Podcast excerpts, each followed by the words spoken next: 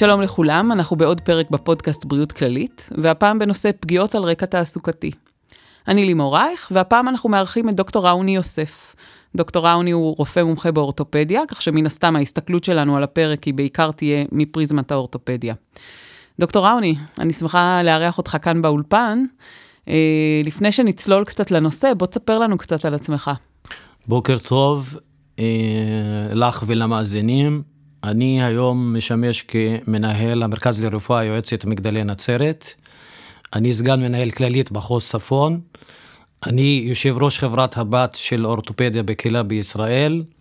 אני גם מנהל שלושה מרכזי טראומה בעפולה, בנצרת וגם בטבריה, וגם מנהל את השירות האורתופדי של כללית מחוז צפון. אני גם עורך דין וגם סיימתי תואר שני בין מנהל מערכות בריאות. אני גר בצפון, אה, נוף יפה, עמק יזרעאל, באזור דבוריה, נשוי עם שני ילדים. וגם רופא מומחה באורתופדיה. וגם רופא מומחה באורתופדיה, נכון. שזה הבסיס. אז קודם כל, עם אה. כל העיסוקים האלה, אני מאוד מאוד מודה לך שמצאת אה, זמן להגיע גם אלינו, והתפנית לפה. אז מה זה בעצם אומר פגיעות על רקע תעסוקתי? פגיעות על רקע תעסוקתי, צריך לחלק את זה לשלוש קטגוריות. אפשר להגיד. אחד זה מחלות מקצוע, שתיים זה מיקרו-טראומה, ושלוש שזה פגיעות בעבודה. עכשיו, פגיעה בעבודה, כולם יודעים את זה, קורית שבן אדם, זאת אומרת, נפגע אם במסגרת העבודה, או במסגרת שהוא הולך לעבודה, או במסגרת חזרה לעבודה. עכשיו, מחלות מקצוע, אלה מחלות שהן מוגדרות בספר התקנות של הביטוח לאומי. זה גם אה, מחלות שקשורות גם בעניין האורתופדי וגם בעניין עור, בעניין שמיעה, בכל מיני דברים אחרים. והמיקרו-טראומה הם פרי פסיקה.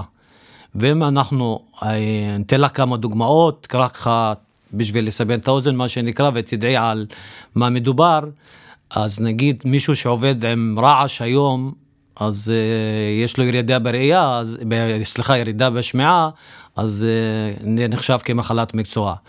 Uh, מישהו, למשל, אתן לך דוגמה אחרת, בסדר, מי שעובד עם קרינה בחדר ניתוח, רופא שעובד עם קרינה בחדר ניתוח ויש לו פגיעה בראייה עם קטרקט, אז זה כן מחלת מקצוע ומוגדרת. עכשיו, בתחום שלי, בתחום האורתופדי, הכי שכיח היום זה מחלות מקצוע שקשורות לכפות הידיים, אה, תסמונת תעלה קרפלית, וגם אה, פגיעה בבורסה, באזור הברך, שאנחנו קוראים לזה בורסיטיס. אני אה, אחלק את, ה, את הגוף לאיברים, ואנחנו ניתן לך דוגמה אחת-אחת. ומה עושים במקרים האלה. אבל לפני שאתה צולל, כן. אני רוצה רגע לחדד את ההבדל בין שלושת הקטגוריות. כן. אמרנו שיש לנו פגיעות אה, אה, בדרך לעבודה, מה זה נחשב? למשל, אם עשיתי תאונת דרכים בדרך לעבודה, או אם נפל עליי משהו ממנוף אה, תוך כדי עבודה, מה זה אומר? חד משמעית, זה נחשבת כתאונת עבודה. תאונת עבודה, זו כן. קטגוריה אחת. בדיוק. קטגוריה שנייה, אתה אומר שזה מחלות מקצוע, וזה מחלות שמוגדרות על ידי הביטוח הלאומי. ומה זה מיקרו-טראומה? מיקרו-טראומה זה... קשור בתנאי העבודה, זה פרי פסיקה, זאת אומרת שאת עושה תנועות חוזרות ונשנות, והתנועות האלה לפרק המסוים או לאיבר המסוים גורמות לפגיעות זעירות, שבמצטבר גורמות לפגימה, והנזק המצטבר נותן לפגיעה יותר קשה, שבסוף אין זמן מספיק לריפויה. עכשיו, למשל, אני אתן לך דוגמה. אם אני עוסקת בשיווק, ואני נוסעת המון במהלך היום, ואני נוהגת, וכתוצאה מזה בעצם הגב שלי כואב. זה מיקרוטראומה, זה, זה מחלת מקצוע, מה זה? בוא, יותר זה בכיוון של מיקרוטראומה, אבל אמרתי לך, זה תלוי גם בתנאים. זאת אומרת, צריכים להתקיים כמה תנאים בעניין הזה. שאלת אותו שאלה יפה, והרבה דנים על זה בבית משפט. נהיגה של יומיומית, אני יודע, של מה שאני עושה היום עד למקום עבודה של 10 או 20 קילומטר, אין משמעות לזה, כולם עושים את זה. אז אה, צריך להיות נהיגה למרחקים גדולים של 100-200 קילומטר ליום לפחות. חוץ מזה, מסתכלים גם היום שמגישים את הדבר הזה לעניין של הכיסא שאת יושבת עליו בתוך הרכב, איזה סוג רכב, גם מבחינת כבישים משובשים, כבישי עפר, כבישי אספלט, זאת אומרת, לוקחים את כל התנאים וגם מתאימים אותם לנזק שיש לבן אדם עצמו. אז כשעושים את כל הדברים ביחד, הביטוח לאומי קובע בהתייעצות עם הרופא ששם נמצא אצלו, עם כל הצוות, אם הפגימה שיש לך היא על רקע תחלואתי, או שהיא כתוצאה, מה שאמרת, מהנהיגה או מהעבודה שאת uh, עושה. הבנתי, אז בוא נצלול קצת לדוגמאות מתחום האורתופדיה. תחום האורתופדיה, אני חושב, נתחיל מכפות הידיים, שזה uh, תסמונת תעלה קרפלית. שהיא שכיחה מאוד, אני יכול להגיד לך ככה, אחרי ניסיון שלי ששימשתי אה, הרבה שנים כיועץ לביטוח לאומי אה, בדבר הזה, גם שימשתי יועץ לבית דין לעבודה בדבר הזה. אז התסמונת שכיחה מאוד, אה, ומי שיכול להגיש בקשה כהכרה כמחלת מקצוע, בעיקר אנשים שעובדים עם מכשירים רוטטוריים. שזה אומר מה? שומר אקדחי אוויר, מכונאים, חשמלאים שעובדים בחשמל. אה, עם ויברציות, שאת מחזיקה את המכשיר ביד ויש את הוויברציות, אז יכול להשפיע על הלחץ של העצב בתוך התעלה הקרפלית. אה, כדאי להבין קודם מה זה אה, תסמונת תעלה קרפלית, זה לחץ של העצב המדיאני בכף היד על ידי התעלה הקרפלית. וכתוצאה מה שאמרתי, מקצועות מסוימים שעושים תנועות חוזרות ונשנות של כפות הידיים והאצבעות מאות או אלפי פעמים ביום, אז זה יכול לגרום לחיכוך ולהצטרות של התעלה הקרפלית, ואז זה סימפטום לבן אדם שבא ואומר, יש לי כאבים, יש לי נימול בכפות הידיים, וקשה לי היום להחזיק דברים, או שאני אפילו נוסע ומחזיק את ההגה, אז אני מרגיש את הנימול בכפות הידיים. זו מחלה שיכולה להופיע גם אצל אה, אנשים שהם מתכנתי מחשבים, אה, קלדניות, אני מקווה שכבר אין כל כך הרבה את המקצוע הזה, אבל גם מי שמתעסק בהקלדות נכון, כל היום? נכון, זה יכול להופיע גם אצל הקלדות, ואני יודע שהביטוח לאומי הכיר בדבר הזה, אה, אבל אני חייב להגיד, גם דבר אה, חשוב מאוד, שלא כל אחד אה, יכול להגיש את הדבר הזה, גם שהוא עובר בדברים האלה, משום שיש גורמים אחרים שהם גורמים פנימיים שיכולים להשפיע ולתת את התופעה הזאת. למשל, שדנים במקרה הזה, דנים אם אתה חולה סכרת או לא, דנים אם את אחרי לידות, או אחרי כמה הפלות היו לך, משום כל הדברים האלה, או יש לך מחלה ראומטואידית, כל הדברים האלה שאנחנו מדברים עליהם, הם גורמים, מה שנקרא, פנימיים, שיכולים להשפיע על, ולהיות תחלואתיים. זאת אומרת, הדבר הזה שאנחנו מדברים עליו, תסמונת תעלה קרפלית, יכולה להיות גם על רקע תחלואתי וגם על רקע תעסוקתי, ולפעמים אפילו צריך לראות מה התרומה של התעסוקה בעניין הזה. אני פותחת סוגריים כי אני לא כל כך מבינה איך זה שבן אדם הוא סוכרתי או, בן, או אה, אישה שהיא הייתה בהיריון או הפלות, איך זה משפיע בעצם על התסמונת הזו או על הדלקת הזו או על המחלה הזו. בדיוק. נשים בהיריון, את יודעת, בזמן ההיריון יש מה שנקרא שינוי במצב ההורמונלי. ויש בצקות, ואז מה שאמרתי קודם, מה שהסברתי לך, שיש את התעלה, את צרות התעלה, אז אה, כנראה בגלל השינוי ההורמונלי נעשה הדבר הזה, ו... אבל זה לתקופה ממושכת, זה לא לכל החיים. זאת אומרת, אחרי שעוברת את התקופה, נגיד, של ההנקה ושל הלידה, זה יכול לעבור לה, אז זה על רקע שינויים הורמונליים שאצל נשים אה, אחרי לידה. וסוכרת? וסכרת גם יש מה שנקרא שינויים של הסכרת, אנחנו יודעים, בעצבים עצמם, יש מה שנקרא היום נאורופתיה פריפרית, שגם יכולה להיות uh, באטיולוגיה של הדבר הזה. מדהים, הכל קשור להכל. כן, הכל קשור להכל. עכשיו, אם אנחנו נמשיך לגבי כפות ידיים, אז uh, אני יכול לתת לך דוגמה אחרת, נוספת, שהיא דווקא הולכת לכיוון, נתן לך דוגמה אחרת מכיוון אחר של מיקרוטראומה, למשל, אנשים שעובדים היום בבנק וסופרים כל היום את הכסף, אז יש להם מה שנקרא אוסטוארטריטיס, דלקת של הפרק, אנחנו קוראים לזה CMC1, וגם אה, היו אה, מה שנקרא אה, מקרים מהסוג האלה והגישו תביעות וגם זכו בתביעות מסוג אלה. אז זה לגבי כפות הידיים.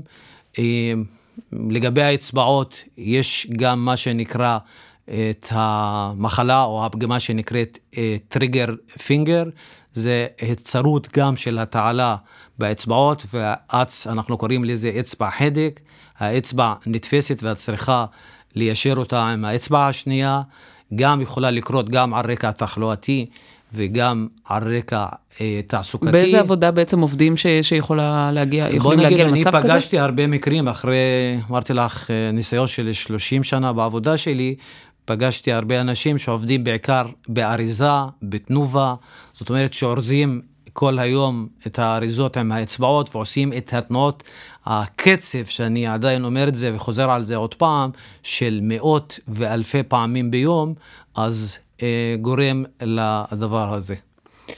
אה, אם אנחנו מהכפות ידיים נעלה אה, טיפה למעלה, יש לנו את המרפק, והכי נפוץ היום, מה שנקרא טניס אלבו, אה, מרפק טניס, זה גם מחלה שיכולה להיחשב כמחלת מקצוע, בעיקר אצל אנשים שעושים תנועות לספורטאים, בגלל זה זה גם נקרא ככה, של תנועות של הספורטאי שעושה את התנועה, אז בעיקר אם את מדמיינת לעצמך את הדבר הזה, זה שכיח יותר אצל טייחים שעושים את הדברים האלה, או גם פועלי בניין שכל היום עם הפטיש דופק, ואז מה שנקרא גורם לדלקת או אפילו קרעים חלקיים באזור של ההיגדים של האינסרציה של המרפק בצד החיצוני, וזה מתבטא גם בכאב, בן אדם מגיע, כואב לי, קשה לי להרים אה, את הכיסא, קשה לי להרים לי אפילו דברים יותר קלים, ואז אה, מגישים אה, תביעה גם בעניין הזה לביטוח לאומי. אם אנחנו נלך יותר גבוה, אנחנו נגיע גם לאזור של הכתפיים.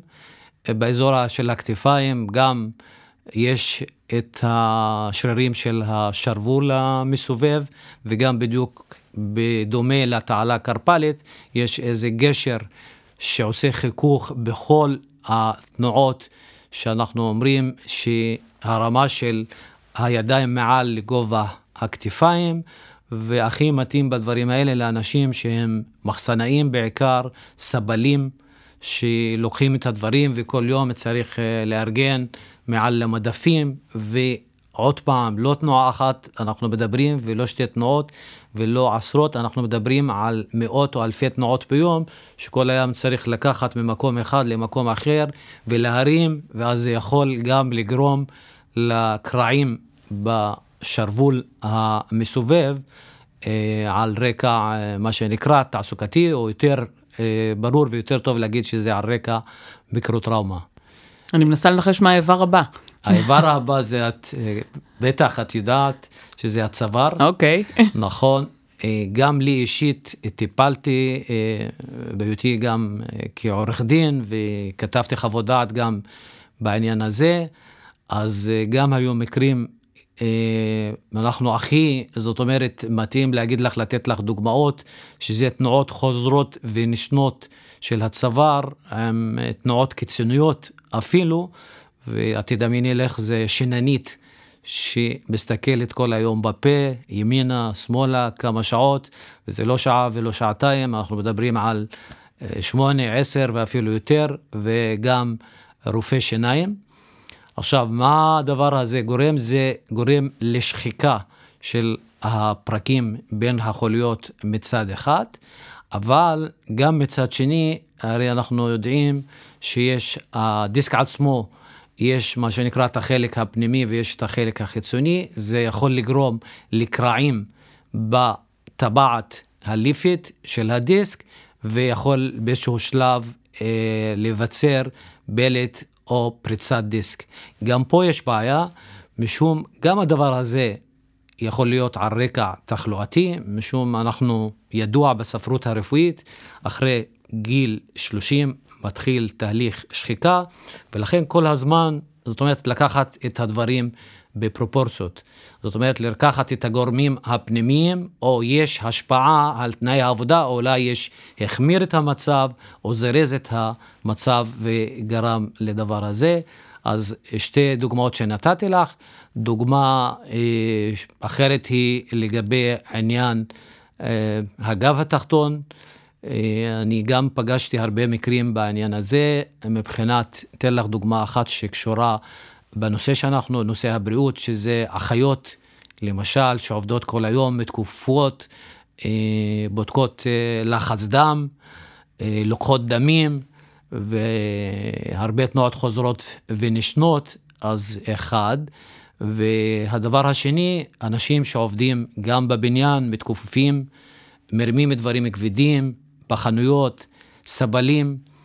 אה, גם דוגמה נוספת, למשל, היום אנשים שאם את מזמינה היום מקרר אלייך הביתה, אז מישהו צריך להביא את זה, לשים את זה על הגב, ולעלות עם זה אולי לקומה רביעית וקומה חמישית על הגב שלו, וכל הוויברציות האלה יכולות לגרום אה, לנזק.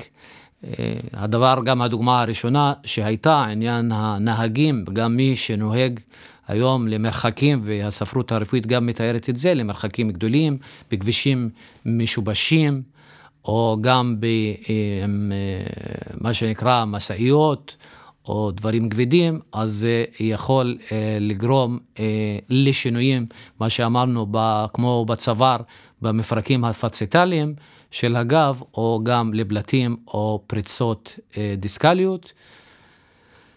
דוגמה נוספת היא עניין שאמרנו עליה וגם מוגדרת אה, בספר של הביטוח לאומי, בתקנות של הביטוח הלאומי כמחלת מקצוע, זה הבורסיטיס של הברך. זאת אומרת, כל עבודה שגורמת לחיכוך בין המשטח לבין הברך וגורם לנפיחות קדמית של הברך, מה שנקרא בורסיטיס, אז הכי מתאים, כפי שאת יודעת, אצל רצפים, שהם עושים את הדבר הזה. וגם אה, כפות רגליים. היום יש כאלה שבעבודה שלהם, שהם עובדים כל יום ועושים דלקת של המעטפה של כפות הרגליים, אבל אני לא יכול לסיים, משום שכרגע, מה שנקרא, היה לי מקרה לא מזמן, של אנשים שעובדים בחברת החשמל, ועולים, זאת אומרת, בשביל התקנות לעמודים עם הברזלים שמשתמשים בהם, והוא צריך לעלות לעמוד איזה 40-50 פעם ביום, גם עם משקל, וגם העלייה הזאת עם כיפוף של הברך גם עשרות או מאות פעמים ביום, יכולה להאיץ את השחיקה של הברך ולגרום לשינויים משניים בברך, והוא יכול אה, גם להגיש תביעה כאן יותר העניין מתאים לעניין של מיקרו-טראומה ולא מחלת מקצוע, ואמרתי לך, הביטוח לאומי וגם הפסיקה מכירה בדברים האלה. דיברת על אה, כפות רגליים, איזה מקצועות בעצם יכולים להביא לפגיעה שם? אני חושב עבודה שכרוכה בהליכה ממושכת, עמידה ממושכת, נגיד כמה דוגמאות, יש את העניין המדידות, אנשים שמודדים בשטח ושמונה שעות על הרגליים והולכים, ושניים גם אנשים שעומדים גם על רעפים, גם לא בתנאים נוחים מאוד, בשביל לא ליפול, ואז זה יכול לגרום לדבר הזה. דוקטור, אנחנו מדברים פה גם על אנשים שכירים וגם על אנשים אה, עצמאיים? כן. בעצם אם אה, מישהו מדריך אה, ספורט, מדריך אה, ריצה, אה, ויש לו אה, שחיקה בברכיים או פגיעה בכפות אה, רגליים, זה בעצם, זה שהוא עצמאי וזה שהוא בחר במקצוע הזה, זה לא אומר שזה לא מקנה לו איזושהי תביעה של להכיר נכון, בזה כמיקרוטראומה. נכון, צודקת מאוד, משום הוא משלם ביטוח לאומי.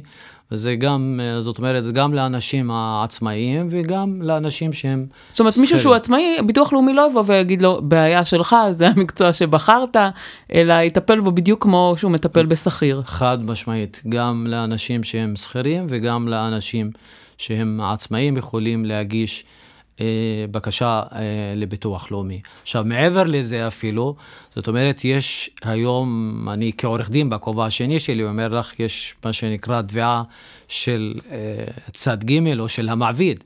אז או לפני או אחרי, או יכול אחרי שיזכה בתביעה, או יכול ללכת למעביד ולהגיד לו, תשמע, אתה לא נתת לי את תנאי העבודה, ובגלל זה זה נגרם לי, ואז זה תביעה מקבילה לתביעה שגם אה, מול הביטוח ביטוח לאומי. לאומי. בדיוק. אז בוא נלך אה, כמה צעדים אחורה. אנחנו כל פעם בפרקים שלנו בפודקאסט מדברים על, אה, הרבה על מניעה. על זה שאנחנו לא רוצים להגיע כבר לתקופה של המחלה ולטפל בה, אלא למנוע מראש. איך אפשר למנוע גם מבחינת האדם עצמו וגם מבחינת המעסיק? טוב, מבחינת המעסיק, נתחיל מבחינת המעסיק, כפי שאנחנו יודעים, בכל מקום עבודה אה, מגיע אה, מדי פעם, יש בדיקות תקופתיות. של רופא תעסוקתי.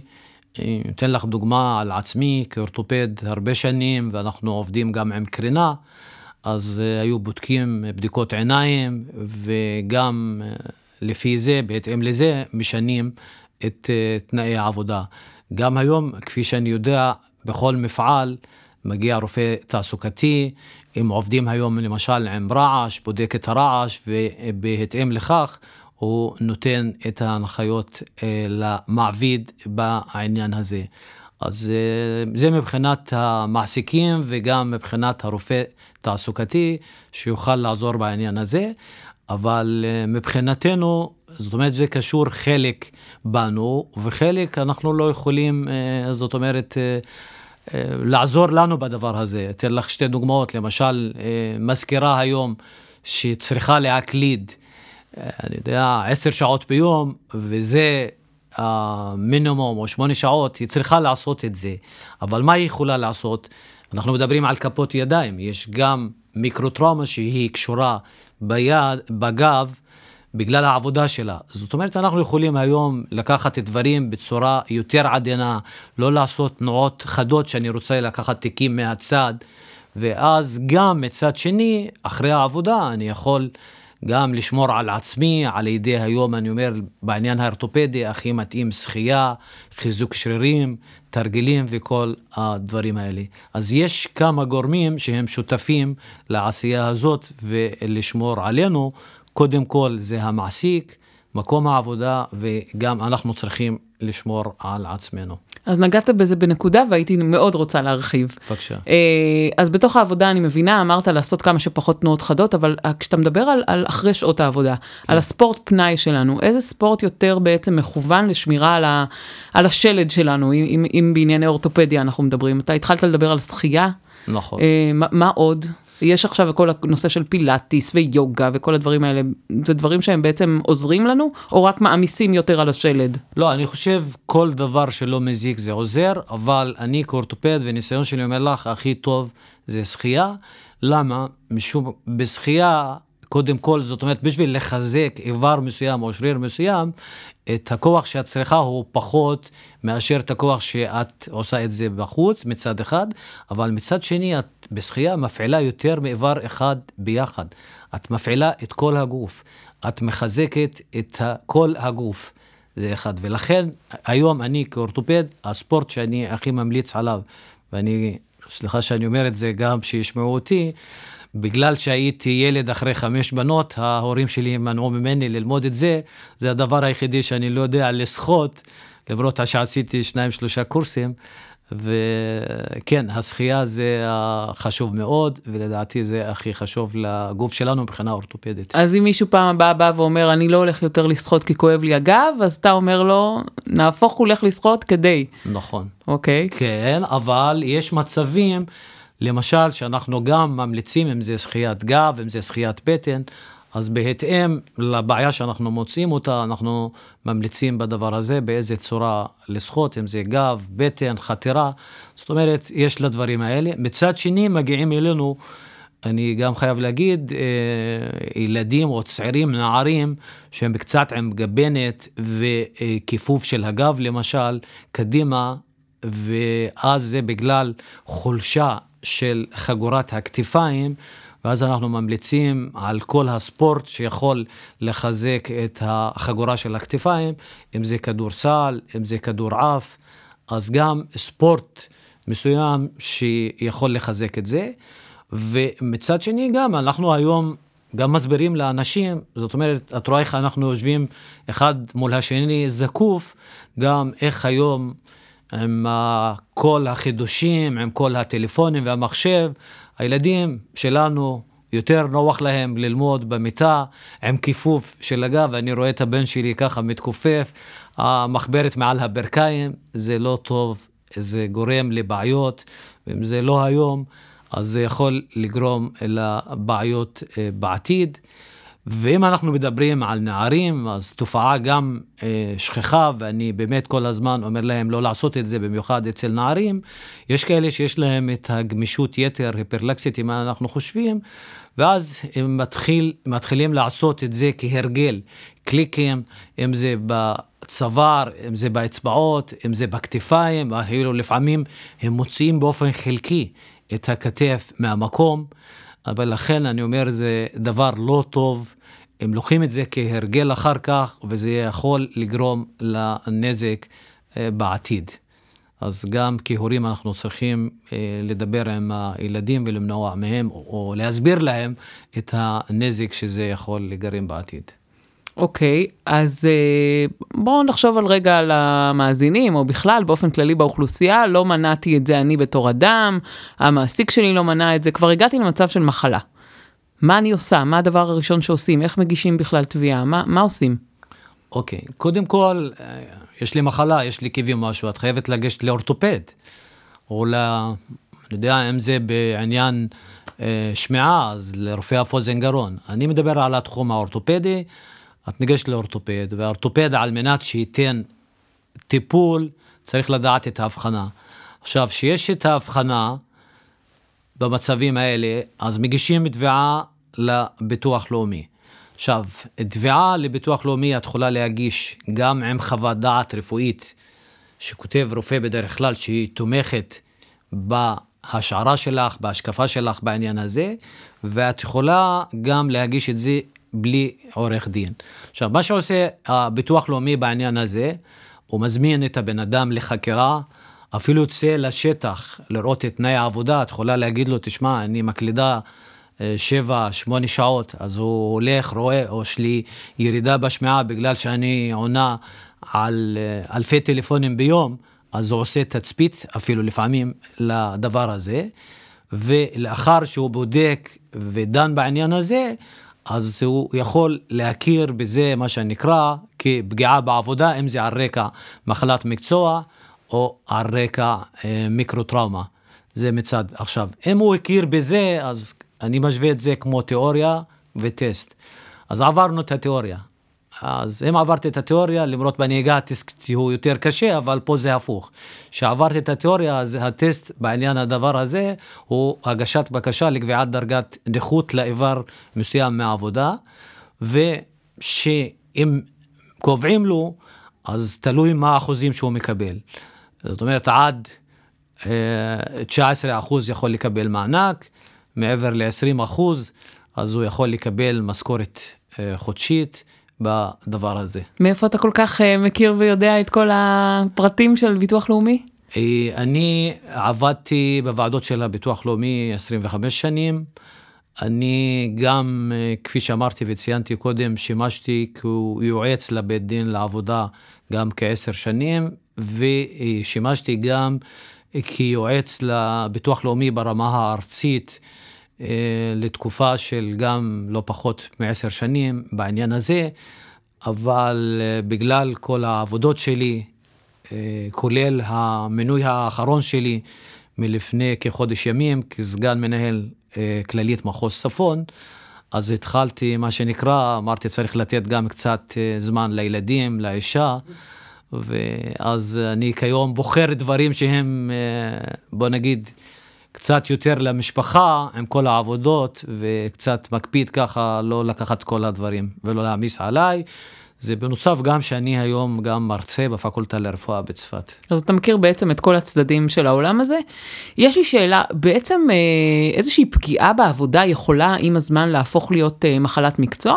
אם בעצם נפל עליי איזה משהו כבד בעבודה, וזה פגיעת עבודה, נכון? משהו נפל על, על הראש, ועם הזמן אני מפתחת אה, כאבי ראש כרוניים, ואני גם עובדת בעבודה שיש בה המון אה, רעש, וזה משפיע לרעה גם על ה... אולי אני גם מקבל מח... אה, מיגרנה מזה. יש כזה מצב שזה הופך להיות מפגיעת עבודה למצב של מחלת מקצוע? בוא נגיד ככה, בדרך כלל זה הולך ביחד.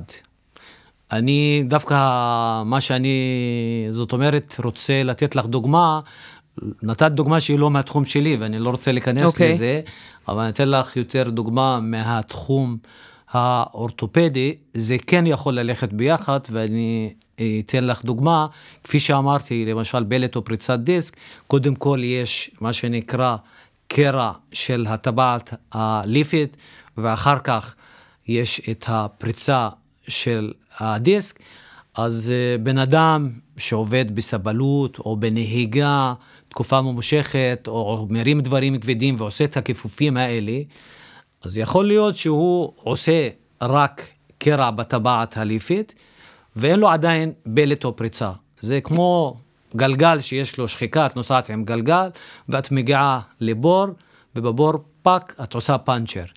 ואז באה תאונה אחת, שהיא כן, הרי הטבעת הליפית היא חלשה, ואז הדיסק קל, קל לו לפרוץ החוצה, ואז יש לנו פריצת דיסק מהתנועה או מהתאונת העבודה. זאת אומרת, זה שילוב של שני הדברים ביחד. מצד אחד זה, ואנחנו, זאת אומרת, הרבה היום רואים את זה גם במסגרת העבודה היומיומית, גם במסגרת הצבא, אנשים שעובדים כגששים, או גם מרימים דברים כבדים. זאת אומרת, התעסוקה שלך היומיומית גורמת לנזק קטן, ובא נזק מקרו, לא מיקרו, שהוא כמו שנקרא הבור שגרם לפאנצ'ר באותו יום. אז זה הדוגמאות האלה הכי מתאימות לדבר הזה. איזה מחלות בעצם אתה נתקל בהן שהן הכי שכיחות בנושא של מחלות מקצוע, או מיקרוטראומה, או אה, פגיעות אה, עבודה? אה, כפי שציינתי קודם, תעלה קרפלית, אנחנו מדברים על אלפים. וואו. כן, אלפים, אה, ובעיקר, מה שציינתי קודם, אצל אנשים שעוברים עם מכשירים רוטטוריים, אם זה חשמלאי, בנאי, וזה הכי הרבה. אה, אנחנו נתקלים הרבה גם בעניין אצל טייחים המרפק טניס. ובעניין מיקרוטראומה, אגב, הרבה מאוד היום, כמעט כל אחד, אני יכול להגיד לך, יכול אה, להגיש בקשה, אם הוא עושה תנועות חוזרות ונשנות של כיפופים, אה, או עבודה, אני יודע, על מלגזה או משהו כזה, בעניין, אגב, לביטוח לאומי, כמיקרוטראומה בדבר הזה. אז זה השכיחות בעצם. כן, אלה הגב, כפות ידיים, אה, ריצוף, מה שאמרתי לך קודם, אבל הכי הרבה אלה מה שציינתי אותם כרגע. יש אה, לביטוח לאומי רשימה סגורה של אה, מחלות מקצוע? זאת אומרת, זה משהו שמישהו ישב והגדיר? כן, אה, יש רשימה סגורה של מחלות מקצוע. אמרתי לך לא רק בעניין האורתופדי, אלא אם זה גם, הרי מה ההגדרה של מחלת מקצוע? זאת אומרת, יש תנאים סביבתיים שזה כימיים, ביולוגיים, פיזיקליים, לתקופה שמשפיעים על הבן אדם עצמו. אז אה, אם יכול להוכיח את זה, אז יש רשימה סגורה, אם זה מחלות עור, חשיפה למשל לשמש, כפי שציינתי את העניין של אה, כפות הידיים, את העניין של הבורסיטיס בברך, אז יש רשימה סגורה בכל התחומים, לא רק בתחום האורתופדי. אבל זה בעניין מחלות מקצוע, אבל בעניין המיקרוטראומה אין רשימה סגורה, וכפי שציינתי, על אה, כל דבר, אפילו כרגע שאנחנו מדברים עם אחד עם השני, את מבינה, ואנחנו קצת אה, עם הידיים, אני מסביר והדברים האלה, אז אני יכול ללכת ו... או להגיד שעשיתי לך כאב ראש מאוד מתמשך בזה שישבתי וראיינתי אותך. זאת אומרת, במיקרו-טראומה הכל פתוח, אין רשימה סגורה, מה שבית נכון, משפט מחליט. נכון. אה, אתה יודע מה מצבנו יחסית, מה המצב של ישראל יחסית לשאר העולם? המעסיקים פה יותר שומרים, פחות שומרים על הבריאות שלנו? תשמעי, הייתי לא מזמן, אה, חזרתי מקנדה, הילדים שלי, הבת שלי לומדת שם וזה. אני חושב שאנחנו משהו ככה באמצע. אבל אה, כן, אני גם uh, מדבר איתך מבחינת הארגון שאני עובד פה, שארגון הכללית, ואני רואה מה אנחנו, ואני כמנהל, אני מנהל היום את צוות של 350 עובדים, ואנחנו עושים את כל מה ביכולתנו אה, על מנת לשמור עליהם.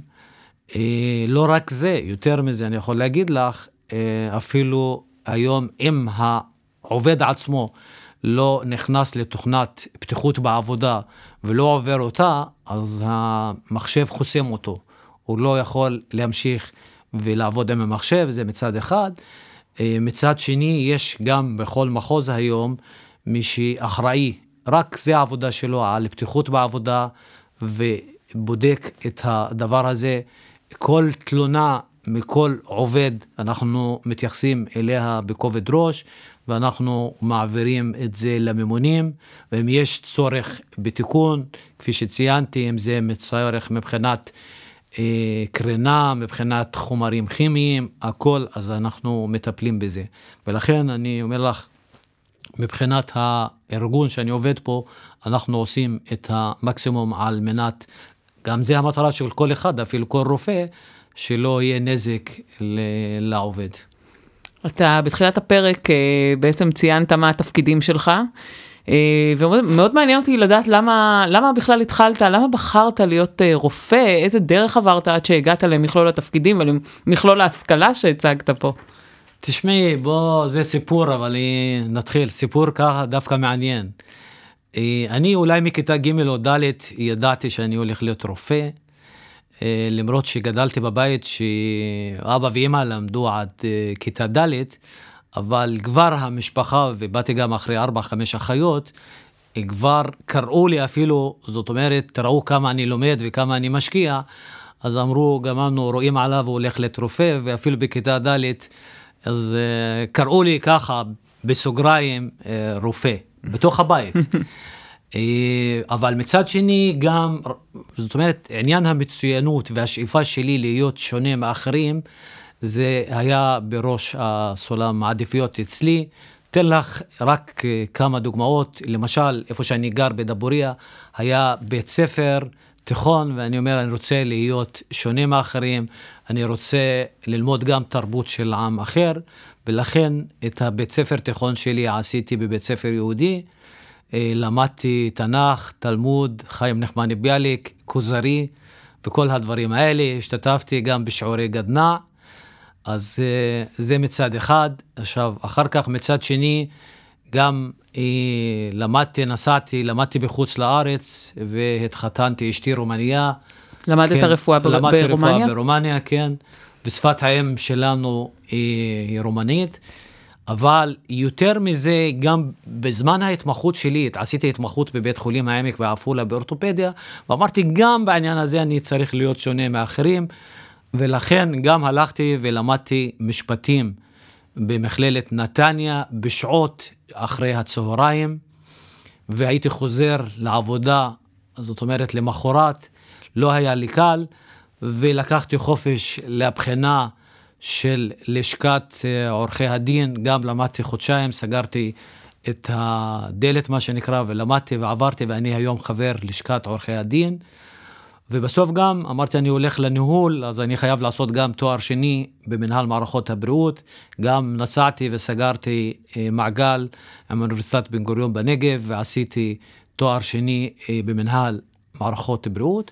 אותו דבר גם, הסתכלתי גם בעניין הילדים שלי, שגם אמרתי מכיתה א', אני הכנסתי אותם לבית ספר פרטי בנצרת, מהטובים בארץ, למדו שם. וגם הבת סיימה י"ב, הבן בי"ב כרגע, אז אמרתי, אני צריך גם משהו טוב ככה כמו שמצוינות, אז גם היא לומדת היום בטורונטו בקנדה, והבן בדרך לשם. רב אז, תרבותיות זה אצלכם במשפחה. נכון, רב תרבותיות, אני מגדיר את עצמי ככה, לקחתי קצת מהתרבות, אה, מה שנקרא, שלנו, ולקחתי גם, למדתי את התרבות אה, של העם היהודי. אני גם בקיא מאוד.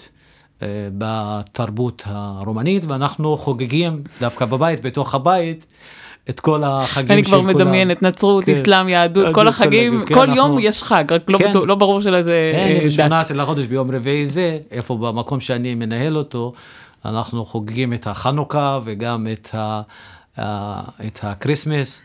אז שני הדברים האלה, עכשיו, אה, וזה משותף לכולנו, וחוגגים את הדבר הזה ביחד.